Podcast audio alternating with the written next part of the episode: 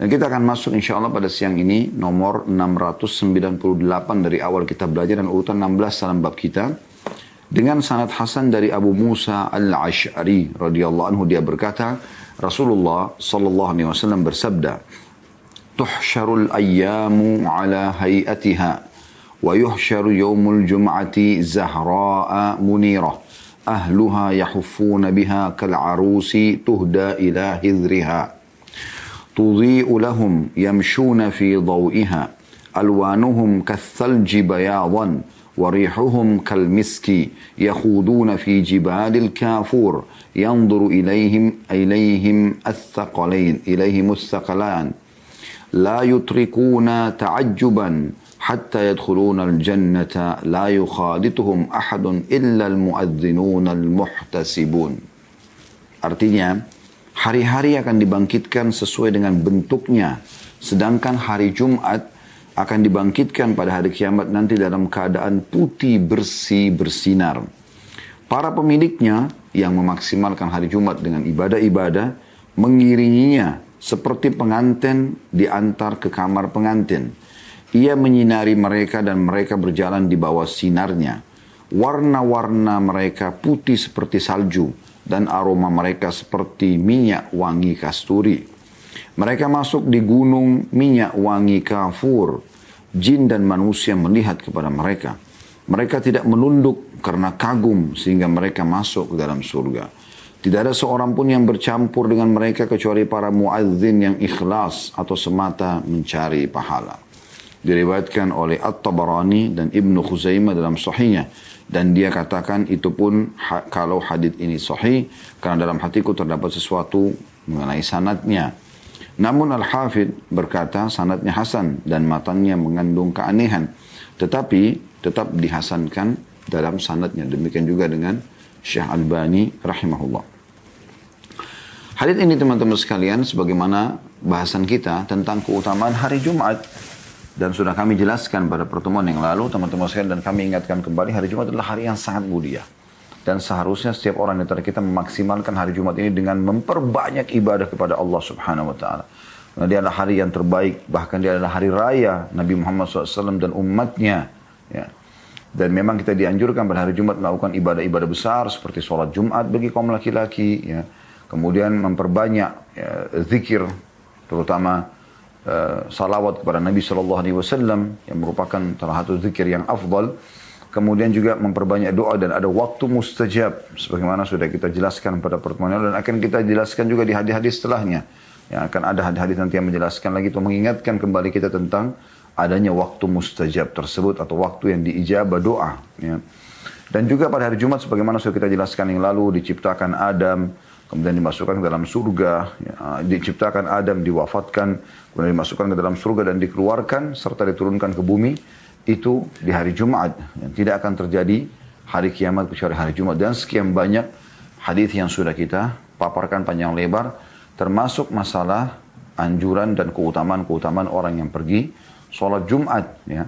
Orang yang mandi dengan bersih, menggunakan pakaian terbaiknya, wangi-wangian yang terbaik yang dia miliki. Ya. Kemudian dia pergi dan dia dengarkan khutbah ya sampai selesai sholat kecuali akan diampuni dosa-dosa yang lalu. Dalam hadis lain setiap langkahnya akan bernilai seperti sholat malam dan puasa selama setahun penuh. Ya, ini keutamaan-keutamaan yang sangat luar biasa. Nah pada hadis ini dijelaskan tentang keutamaan hari Jumat bukan di dunia tapi di akhirat nanti. Pelajaran pertama yang kita bisa ambil dari hadis bahwasanya hari-hari pun ciptaan Allah subhanahu wa ta'ala. Semua ini adalah makhluk Allah dan hari-hari nanti juga akan dibangkitkan pada hari kiamat. Seperti apa kita tidak tahu, tapi akan tetap ya ada nama-nama hari yang kita kenal, hari Senin, Selasa, Rabu, Kamis, Jumat, ya Sabtu dan hari Ahad ya. Dan e, ini dikenal memang di kalangan manusia di saat sekarang ini ya. Dan itu juga akan dibangkitkan pada hari kiamat. Hanya saja nanti yang paling menonjol pada hari kiamat adalah hari Jumat. Diambil dari potongan sabda Nabi Shallallahu Alaihi Wasallam, syarul ayyamu ala hayatiha. Semua hari-hari akan dibangkitkan sesuai dengan bentuknya yang Allah ciptakan. Wa yuhsyaru yaumul jum'ati zahra'a munirah. Hanya saja hari Jumat yang dibangkitkan dalam keadaan putih bersih bersinar. ahluha yahuffuna biha kal arusi tuhda ila hidriha. Para pemiliknya menggiringnya seperti pengantin di antara ke kamar pengantin. Ini menandakan keutamaan hari Jumat yang luar biasa gitu. Tudhi'u lahum. Jumat pun menyinari mereka. Yamshuna fi dawiha. Dan mereka berjalan di bawah sinarnya. Alwanuhum kathalji bayadan. Warna-warna mereka putih seperti salju. Warihuhum kalmisk. Dan aroma mereka seperti minyak kasturi. Yahuduna fi jibalil kafur. Mereka masuk menuju ke gunung minyak wangi kafur. Yanzuru ilaihim tsaqalan dan semua jin dan manusia melihat mereka. La yutrikuna ta'ajjuban. Jin dan manusia itu tidak menundukkan sama sekali pandangan mereka. Tidak mengedipkan matanya karena kagum melihat itu. Hatta yadkhuluna jannah. Sampai semua ya para orang yang memaksimalkan Jumat itu akan masuk ke dalam surga. La yukhalituhum ahadun. Tidak ada orang yang berbaur sama mereka. Illa al-muadzinun al-muhtasibun kecuali muadzin yang ikhlas. Jadi hadis ini pelajaran pertama adalah bagaimana hari-hari makhluk Allah Subhanahu wa taala dan akan dibangkitkan pada hari kiamat juga. Ya tetap digunakan istilah-istilah itu. Ya kecuali hari Jumat. Hari Jumat nanti akan nampak jelas sekali ya seperti cahaya yang putih terang benderang, sinar yang terang benderang dan orang semua akan mengetahui ini adalah hari Jumat. Kemudian pelajaran yang kedua, siapa pun yang memak keutamaan, siapa pun yang memaksimalkan hari Jumat dari kaum mukminin, khusus kaum mukminin. Orang-orang kafir tidak mendapatkan keutamaan ini pada hari kiamat. Ya. Walaupun di dunia, kalau mereka coba memuliakan hari Jumat, mereka, sebagaimana dalam hadis sebelumnya pernah kita jelaskan ya, kata Nabi SAW, e, mereka pengikut kita saja. Ya. Kalaupun ada yang memaksimalkan hari Jumat itu karena mereka mengikuti kita. Karena hari Jumat adalah milik kita, milik kaum muslimin. Yang Allah berikan petunjuk kepada Nabi Muhammad sallallahu alaihi wa ala alihi wa sahbihi wasallam. Ya, sebagaimana sudah kita tahu juga Jibril yang datang langsung membawa penawaran hari Jumat dari Allah Subhanahu wa taala untuk baginda Nabi SAW dan beliau memilihnya, menerimanya. Nah, orang-orang yang memaksimalkan dari sholat lima waktunya, dari zikir pagi petangnya, ya, dari do, uh, sholat Jumatnya, ya, apa saja amal-amal sholat yang lainnya berbakti dengan orang tua, jenguk orang sakit, bersedekah dan yang lainnya, maka mereka ini akan menjadi orang-orang khusus nanti yang akan berjalan dengan hari Jumat itu di mahsyar menuju ke surga dan semua orang akan menyaksikan pada saat itu yang bukan termasuk orang yang memaksimalkan hari Jumat. Ya dari orang-orang kafir tentunya mereka tidak ada Jumat bagi mereka, mereka tidak tahu keutamaannya. Dan Nabi SAW sudah mengatakan tertutupi dari umat-umat sebelum kita gitu. Nah di sini digambarkan bagaimana kemuliaan mereka. Jumat datang dengan cahaya yang sangat terang, entah bagaimana rupanya, tapi orang-orang yang memaksimalkan Jumat dan semoga kita termasuk insya Allah akan jalan di bawah naungan cahaya Jumat itu sendiri. Mereka seperti salju, ya, putih dan wangi sekali. Dan mereka memasuki atau melewati sebuah gunung kafur wangi-wangian sampai mereka masuk dalam surga. Dan seluruh jin dan manusia yang tidak masuk dalam golongan mereka akan terkagum-kagum menyaksikan penampakan atau uh, penampilan tersebut ya. Dan mereka dijamin masuk surga di sini karena dikatakan sampai mereka masuk ke dalam surga. Yang ketiga teman-teman sekalian ada keutamaan khusus bagi para muadzin, ya muadzin. Walaupun ini sudah pernah kita jelaskan dalam bab solat ya di jilid satu kitab kita ini dan masuk juga dalam bahasan kitab solat itu di seperempat uh, jilid satu sampai kurang lebih ya mungkin seper uh, dari jilid dua bahasan tentang kitab solat di antaranya tentang masalah ada bab muadzin ya mereka punya keutamaan yang luar biasa sekali. Kalau orang yang datang sholat, dia akan panen pahala dia sendiri. Kalau dia ajak temannya, dia akan panen pahala dia dan juga diberikan nilai pahala temannya tanpa dikurangi dari pahala teman dia. Sesuai dengan sabda Nabi SAW, siapa yang menunjukkan pada kebaikan, maka dia akan sejalan dengan uh, dia akan mendapatkan pahala orang yang mengikuti dia ya tanpa dikurangi sedikitpun dari pahala orang yang mengikutinya. Imam yang mengimami sholat akan panen pahala dia dan makmumnya. Karena dia yang mengimami mereka. Dan muadzin akan panen pahala seluruhnya. Imam dan makmum. Ini punya keutamaan sendiri yang pernah kita jelaskan teman-teman sekalian. Nah para muadzin-muadzin ini mereka juga akan ada di kelompok tersebut. Karena umumnya muadzin hadir ya di hari Jumat. Ya, ini bahkan mereka yang memanggil kaum muslimin untuk datang mengerjakan sholat Jumat. Dan ini keutamaan tersendiri. Hadis selanjutnya nomor 699. Ini dan urutan 17 dalam bab kita dengan sanad sahih dari Abu Hurairah radhiyallahu anhu dan Hudzaifah radhiyallahu anhu. Keduanya berkata Rasulullah SAW bersabda, Adallallahu tabaraka wa ta'ala anil jum'ati man kana qablana. Kana lil yahudi yawmus sabti wal ahadu lin nasara. فهم لنا تبع إلى يوم القيامة نحن الآخرون في أهل الدنيا والأولون يوم القيامة المقدي لهم قبل الخلائق Allah yang maha suci dan maha tinggi telah, menye, telah menyesatkan orang-orang sebelum kita dari hari Jumat. Maksudnya tidak memberi petunjuk mereka pada hari Jumat ya. Lebih tepatnya mungkin Allah tidak memberi petunjuk kepada mereka agar memilih hari Jumat. Orang-orang Yahudi memilih hari Sabtu. Ahad milik orang-orang Nasrani. Mereka adalah pengikut kita sampai hari kiamat. Kita adalah umat terakhir di dunia, tetapi kita yang pertama pada hari kiamat yang diberi keputusan mendahului umat-umat yang lain.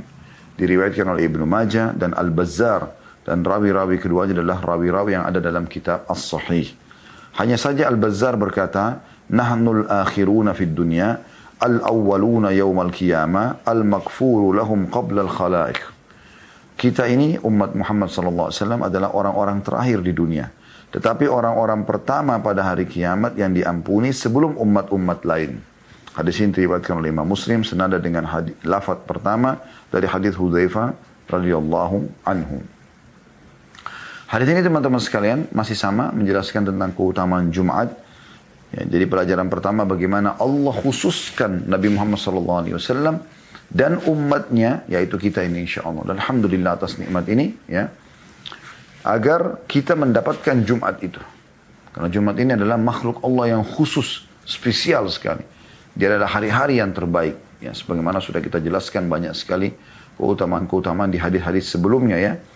Jadi hari Jumat ini perlu kita muliakan hari ini kita hormati, kita meriahkan ya. Dan umumnya orang merasakan seperti yang bisa rasakan pada hari ini, di hari Jumat kita merasa ada perbedaan tersendiri. Bagi laki-laki yang sudah sholat Jumat, mereka ikhlas sholat, mereka pulang ke rumah, ada ada suasana tersendiri. Mungkin Anda bisa rasakan, lagi makan siang bersama keluarga misalnya. Kalaupun di kantor lagi makan bersama teman-teman, istirahat, ada ada ada ada suasana yang berbeda. Ini memang karena uh, Jumat itu bisa dirasakan kemuliaannya, memang hari tersendiri. Beda dengan hari-hari yang lain gitu ya. Dan ini adalah petunjuk khusus Allah untuk umat ini. Dan ini menunjukkan bahwasanya uh, yang pertama dari hadis keutamaan hari Jumat ya dan bagaimana Allah Subhanahu wa taala khususkan untuk umat ini dan Allah berikan petunjuk kepada kita. Kemudian ya, pelajaran yang kedua jadi kenapa orang Yahudi merayakan atau mereka pergi ke tempat ibadah mereka di hari Sabtu dan kenapa orang Nasrani pergi hari Ahad? Memang karena itu pilihan yang mereka pilih pada saat ditawarkan melalui nabi mereka pada saat itu ya. Namun tertutupi bagi mereka hari Jumat karena Allah ingin diberikan kepada umat mulia, umat Muhammad sallallahu alaihi wasallam. Pelajaran yang ketiga adalah sabda Nabi SAW, kita ini adalah umat terakhir di dunia. Ini maknanya tidak ada lagi Nabi setelah beliau dan tidak ada lagi manusia yang akan datang kecuali generasi-generasi yang ada sekarang ini terus terus sampai akhir dan sudah ini inilah manusia-manusia yang terakhir nanti kita sudah di akhir zaman. Nah, ini pelajaran penting teman-teman sekalian ya. ya supaya kita tersadarkan kalau sebenarnya ya ini semua akan berakhir. Salah satu rukun iman kita yang kelima dari rukun iman yaitu iman kepada hari kiamat. Yang satu paket, kematian, alam barzah, hari hisab nanti, kebangkitan hari kiamat, kemudian surga dan neraka. Nah ini pasti akan terjadi. Tidak ada keraguan di dalam masalah itu. Setiap orang beriman yakin masalah itu. Dan Nabi SAW sudah mengingatkan, kita ini nanti adalah penduduk terakhir di dunia. Maksudnya para orang-orang yang pengikut Nabi terakhir. Nggak ada lagi Nabi setelah kita. Jadi akan kata-kata Nabi SAW akan muncul nanti setelah aku meninggal 30 dajjal pendusta. semuanya mengaku sebagai nabi. Ya, jadi tidak ada nggak ada lagi kita harus yakin dengan itu. Orang-orang yang mengaku bahwasanya ada nabi setelah Nabi Muhammad SAW ini dusta besar, nggak mungkin ada kebenarannya. Ya. Ini penjelasan dalam kata Nabi SAW dan kita adalah yang pertama nanti di akhirat. Maksudnya yang pertama didahulukan dalam segala hal. Dijelaskan di sini maksudnya al-maqdiyu lahum qabla al-khalaik yang akan dimudahkan keputusannya sebelum umat-umat yang lainnya. Ini sejalan dengan hadis Nabi Shallallahu Alaihi Wasallam. Surga diharamkan untuk nabi-nabi sebelum aku masuk dan diharamkan untuk umat-umat sebelum umatku masuk. Jadi kita didahulukan dalam timbangan amal bagi yang memang akan ditimbang amalnya. Dan ada juga orang yang masuk surga tanpa hisap ya. Nah, ditimbang amal orang-orang yang, yang lainnya eh, ditimbang amal-amal orang yang perlu ditimbang amalnya karena amal baik amal buruknya masih berimbang atau amal buruknya lebih banyak atau memang butuh amal baiknya lebih banyak sedikit ya. Jadi timbang supaya dipastikan Allah Maha Adil dalam uh, perhitungan masalah-masalah seperti ini. Kemudian nanti setelah itu mereka akan menuju ya melewati sirat dan menunggu di depan surga di kantara ya sebelum umat-umat yang lain. Kemudian dalam riwayat Al-Bazzar dikatakan al-maghfuru lahum qabla al-khalaiq. Jadi bukan hanya dimudahkan ya didahulukan timbangan-timbangan amal dan keputusannya juga akan diampuni sebelum umat-umat yang lain. Ini keutamaan yang luar biasa yang seharusnya kita syukuri sebagai umat Muhammad sallallahu alaihi wa ala alihi wa sahbihi wasallam ya. Hadis selanjutnya, hadis nomor 700 dari awal kita belajar dan hadis 18 dalam bab kita dalam bab kita ini dengan sanad sahih dari Abu Hurairah radhiyallahu anhu an Rasulullah sallallahu alaihi wasallam zakara yaumal qiyamati wa qala fiha sa'atun la yuwafiquha 'abdun muslimun wa huwa qa'imun yusalli yas'alu Allah syai'a illa atahu iyyah wa ashara bi yadihi yuqalliluha bahwa Rasulullah SAW menyebutkan tentang hari Jumat. Salah satu beliau yang beliau jelaskan adalah padanya pada hari Jumat terdapat satu waktu yang tidaklah seorang hamba muslim bertepatan dengannya sementara dia sedang berdiri sholat, memohon sesuatu kepada Allah, kecuali Allah akan memberikan apa yang dia atau diminta olehnya. Dan beliau mengisyaratkan dengan tangannya bahwa waktu itu sangat pendek. Ya. Hadis ini riwayat Bukhari dan Muslim juga An-Nasai dan Ibnu Majah. Adapun penentuan waktu itu di sini dikatakan oleh Al-Mundiri, maka telah tercantum tentangnya banyak hadis yang sahih dan para ulama berbeda pendapat secara panjang lebar. Aku telah menjelaskannya di selain buku ini dan di sini aku menjelaskan beberapa hadis yang menunjukkan hal itu. Ya. Jadi maksudnya di sini hari Jumat itu ada waktu mustajab. Itu yang menjadi inti bahasan di hadis nomor 700.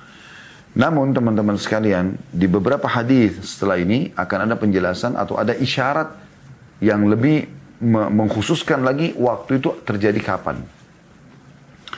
Yaitu nomor hadisnya 701 dan urutan 19 dalam bab kita dengan sanad Hasan di ghairihi menjadi Hasan karena dikuatkan dengan riwayat-riwayat lain.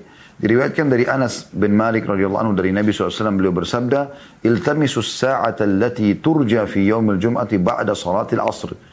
Ila ghaibubati syams. Carilah waktu yang diharapkan terkabulkan doa padanya pada hari Jumat setelah sholat asar sampai terbenam matahari.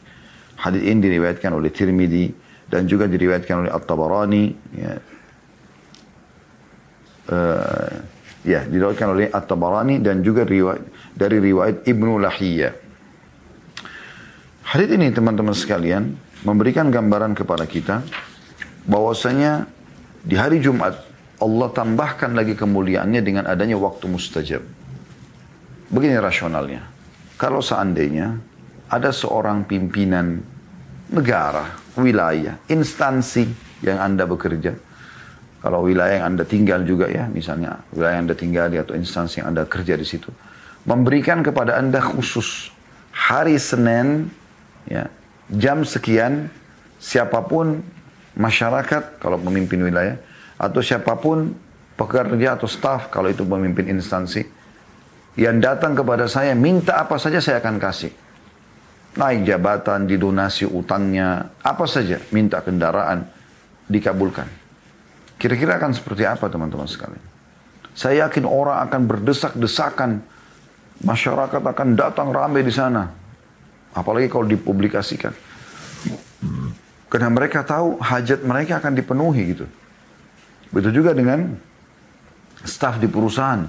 Mereka akan berlumba-lumba antri nomor satu untuk menemui atasan dan mereka akan menulis semua hajat-hajat mereka karena apa pun yang diajukan akan di ACC oleh atasannya.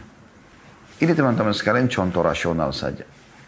Sekarang ini yang menjanjikan kepada Anda bukan raja, presiden sebuah wilayah yang Anda tinggal, bukan uh, owner perusahaan atau atasan Anda di perusahaan, ya, di root misalnya. Tapi sang pencipta Allah subhanahu wa ta'ala. Sang raja yang sebenarnya. Dia menjanjikan di hari Jumat, hari ini yang sedang kita bahas hadis-hadis ini, ada waktu mustajab. Hajat apa pun sampaikan selama bukan maksiat kepada Allah SWT dan diijabah, di ACC. Jangan sia-siakan ini. Ini penyebutan dalam hadis ini luar biasa karena Nabi SAW pastikan Fiha sa'atun la yuwafiquha abdun muslim. Di hari Jumat ada waktu tidak ada seorang muslim pun yang berpapasan ya. Wa huwa qa'imun yusalli dia sedang sholat, yas'alullaha syai'a. Dia mohon kepada Allah, illa a'tahu iya, kecuali pasti akan diberikan. Wa asyara biyadihi yuqalliluha, dan beliau memberikan isyarat, menggambarkan sedikitnya waktu itu. Di hadis nomor 19, tadi itu hadis 18 ya sebelumnya. Hadis nomor 19 diberikan isyarat Nabi SAW, iltamisus sa'atan lati turja fi yawmul jumati ba'da salatil asr kejar secara khusus kata Nabi SAW waktu yang mustajab yang diharapkan di ijabah itu langsung di ACC permintaannya ya itu selepas sholat asar. Sampai ila ghaibubatis syams sampai terbenam matahari. Ya. oleh karena itu teman-teman sekalian dinukil dari sebagian salaf. Ya, mereka itu dari para sahabat dari para tabiin tabi tabiin generasi-generasi yang luar biasa ya yang masih dekat dengan masa Nabi Muhammad SAW, mereka betul-betul selepas sholat asar teman-teman sekalian, mereka menuju ke sudut-sudut masjid, ya, lalu kemudian mereka tidak lagi berbicara dengan siapa pun kecuali mereka berdoa sampai terbenam matahari. Karena mengejar waktu mustajab ini. Di ACC sekali lagi permintaan-permintaannya. Dan ini luar biasa. Ini keutamaan luar biasa, jadi jangan disia-siakan. Baik saudaraku seiman, kita akan melanjutkan hadis selanjutnya tentang keutamaan Jumat yaitu hadis nomor 20 dalam bab kita dengan sanad Hasan Sahih dan nomor 702 dari awal kita belajar Berbunyi dari Abdullah bin Salam radhiyallahu anhu dia berkata, aku pernah berkata sementara Rasulullah SAW sedang duduk. Inna lanajidu fi kitabillahi ta'ala fi yawmil jum'ati sa'atan la yuwafiquha abdun mu'minun yusalli yas'alullaha fiha shay'an illa qadha lahu hajatah. Qala Abdullah fa'asyara ilayya Rasulullah sallallahu alaihi wasallam au ba'du sa'ah. Faqultu sadaqta au ba'du sa'ah. Qultu ayyu sa'atin hiya? Qala hiya akhiru sa'atin nahar. قلت innaha laysat sa'ata sholah. Qala bala innal abda idha salla thumma جلس ya, la, yah, la yahbisuhu illa salatu fahuwa في الصلاة. Sesungguhnya kami mendapatkan dalam kitab Allah, ini berkata Abdullah bin Salam, dia mengatakan, dia pernah berkata sementara Rasulullah SAW lagi duduk, dia ingin menanyakan sesuatu gitu, dia mengatakan, sesungguhnya kami mendapatkan dalam kitab Allah Ta'ala, tercantum pada hari Jumat terdapat satu waktu yang tidaklah seorang mukmin bertepatan dengannya sementara dia sholat di dalamnya uh, uh, dia sholat koma di dalamnya memohon sesuatu kepada Allah kecuali Allah akan memenuhi hajatnya. Abdullah berkata, lalu Rasulullah SAW mengisyaratkan kepadaku atau sebagian waktu. Aku menjawab, engkau benar atau sebagian waktu. Aku bertanya, waktu apa itu? Atau kapan waktu itu? Maka beliau SAW menjawab saat-saat di akhir siang. Nah, di akhir ini akhirnya maksudnya sore ya, menjelang maghrib. Aku berkata, itu bukan waktu sholat. Habis asar kan kita dilarang sholat gitu ya. Beliau SAW menjawab, iya, karena jika seorang hamba telah menyelesaikan sholat, kemudian dia duduk, tidak ada yang membuatnya duduk kecuali menunggu sholat, maka dia dianggap sedang sholat di dalam sholat.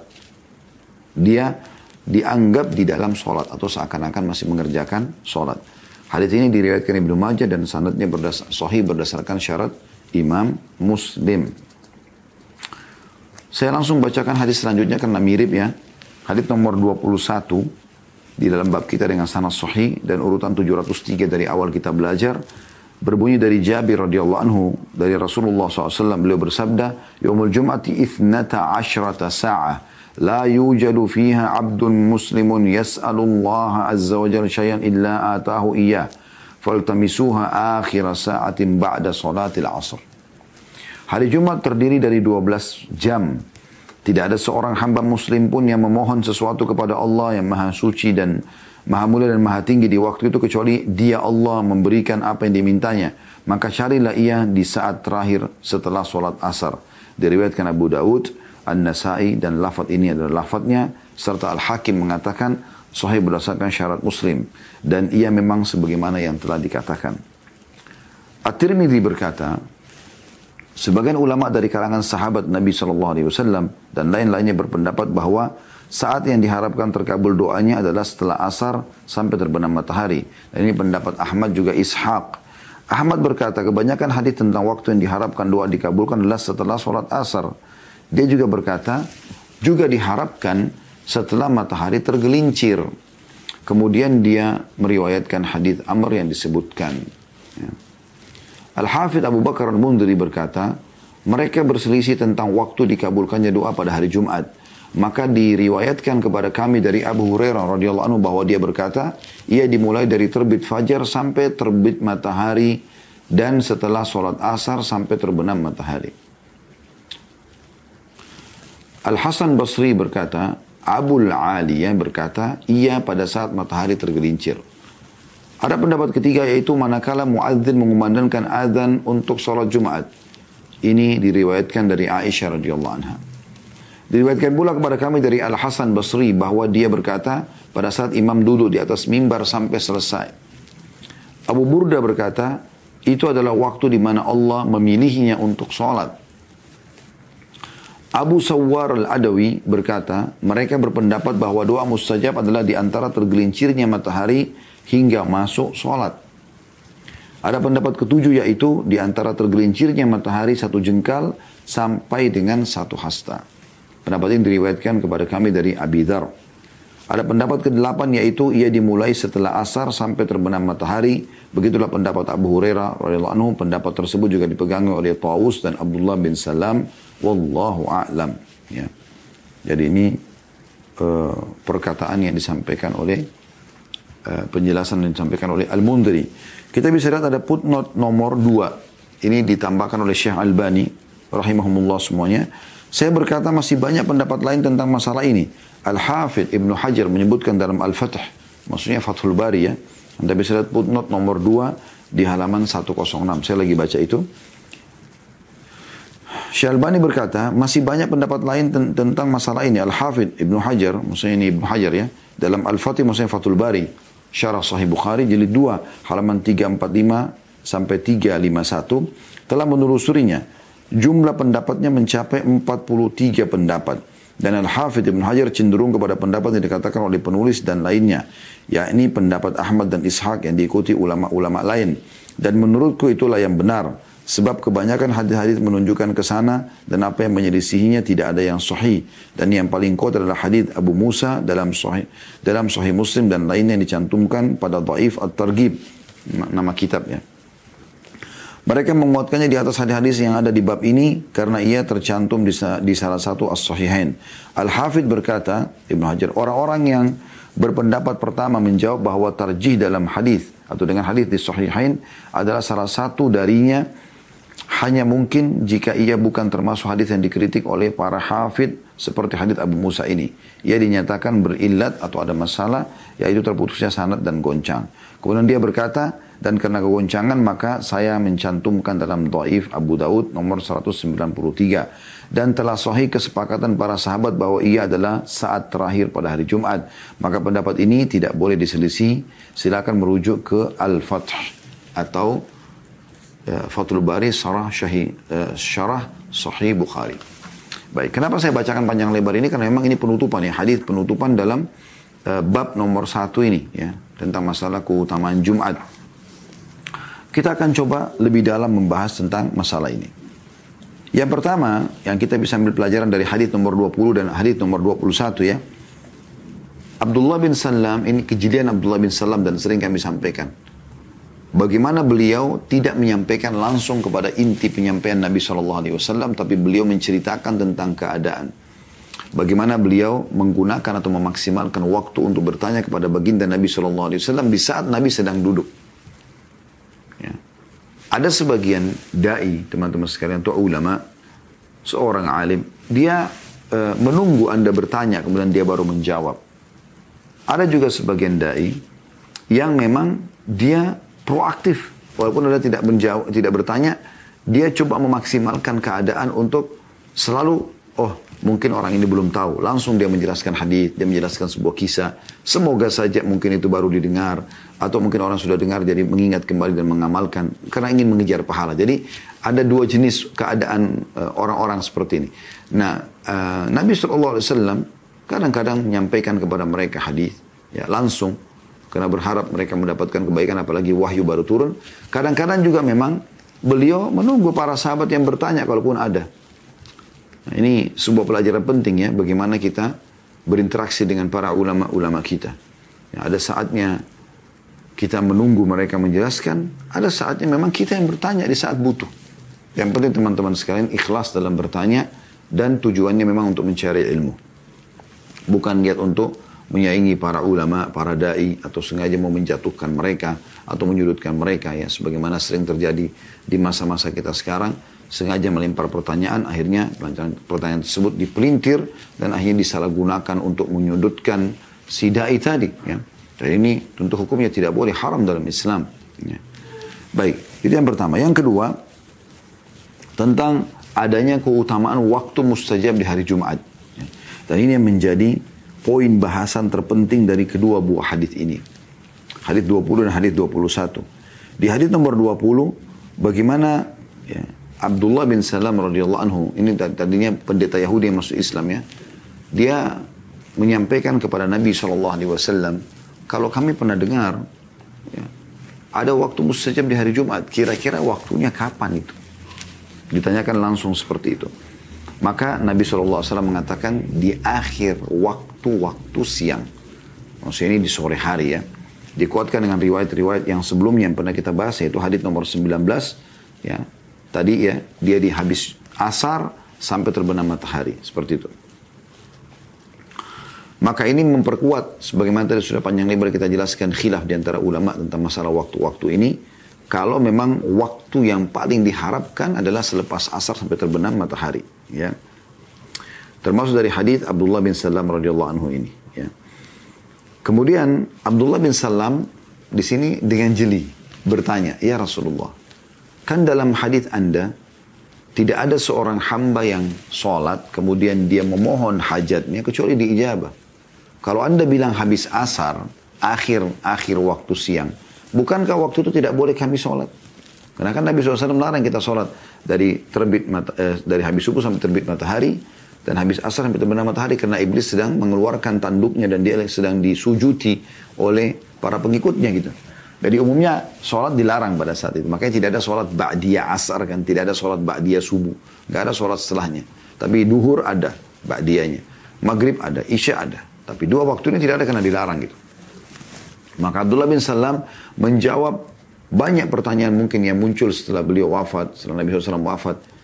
Kalau dikatakan dalam hadis, ya, tidak ada seorang hamba yang sholat, kemudian dia berdoa, kecuali Allah ijabah. Bagaimana sholatnya ini? Sholat apa yang dikerjakan? Ternyata dimaksud adalah sholat asar itu ya. Sholat asar, dan Nabi SAW menggambarkan. Betul di saat itu tidak boleh sholat lagi. Tapi kan dia selepas sholat asar, kalau dia duduk ber, berzikir, berdoa, maka seseorang hamba dihitung sedang dalam sholat selama dia belum berdiri dari tempat sholatnya. Ya. Artinya tetap memang kondisi dalam hadis atau penyampaian Nabi tidak tidak ada yang tidak ada yang kontradiktif. Semuanya sejalan, semuanya sejalan karena memang uh, apa di sini orang kalau duduk habis sholat sambil berzikir dan berdoa, berarti dia tetap akan mendapatkan atau dihitung dalam sholat. Ya, itu jawabannya. Jadi bukan ada sholat khusus selepas asar ya. Tapi sholat asarnya, kemudian Anda berzikir lalu Anda berdoa. Jadi jangan lupa selepas asar maksimalkan ini. Kemudian di hadis nomor 21, menjelaskan juga sama penekanannya ya. Ya, tapi hadis ini yang menyebabkan pendapat ulama jadi keluar jadi banyak, jadi banyak itu. Karena kata Nabi SAW, Yaumul Jumati ithna'at ashrata sa'ah. Hari Jumat itu ada 12 jam. Dari subuh sampai malam gitu kan. 12 jam. Kalau kita hitung eh, apa namanya? Jam subuh misalnya jam 4 kalau kita sekarang ya. Berarti 5.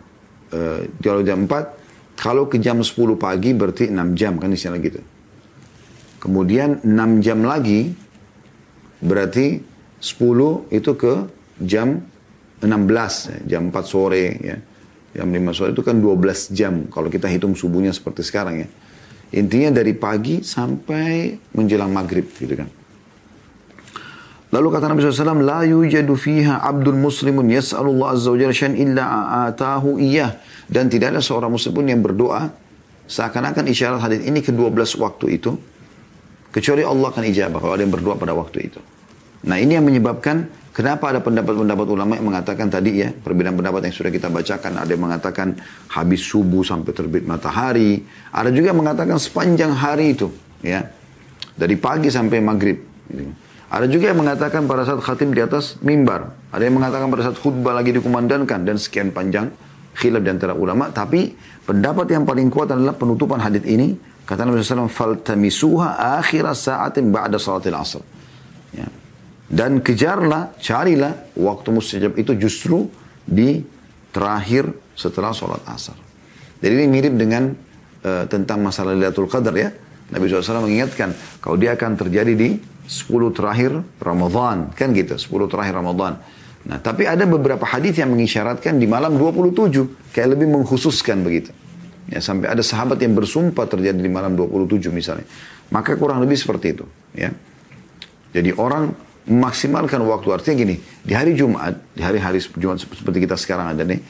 Jadi setiap saat Anda punya hajat, Anda tiba-tiba teringat, jangan berhenti berdoa.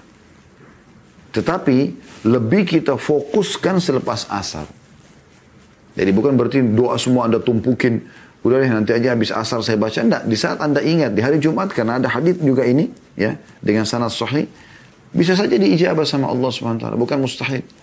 Tapi di selepas asar bisa Anda ulangi doa-doa yang sudah Anda sampaikan sepanjang hari tadi, di setiap ada kesempatan di mobil, di motor, di tempat kerja, di mana saja di hari Jumat, maka Anda pertegas lagi di hari Jumat atau selepas asar di hari Jumat itu. Ya. Dan kita ambil kesimpulan dari hadis-hadis ini Berarti yang tidak boleh luput dari seseorang adalah hari Jumatnya. Eh, habis asarnya. Ya. Habis asar. Kalau yang masih hirat ulama adalah dari pagi sampai menjelang asar. Kalau selepas asar ini bisa kita katakan hampir jumhur ulama fokus mengatakan di situlah waktu mustajab. Oleh karena itu kita masih maksimalkan walaupun ada cuma menyampaikan dua tiga hajat. Anda bisa luangkan 10 menit aja dalam berdoa itu sudah panjang sekali sebenarnya.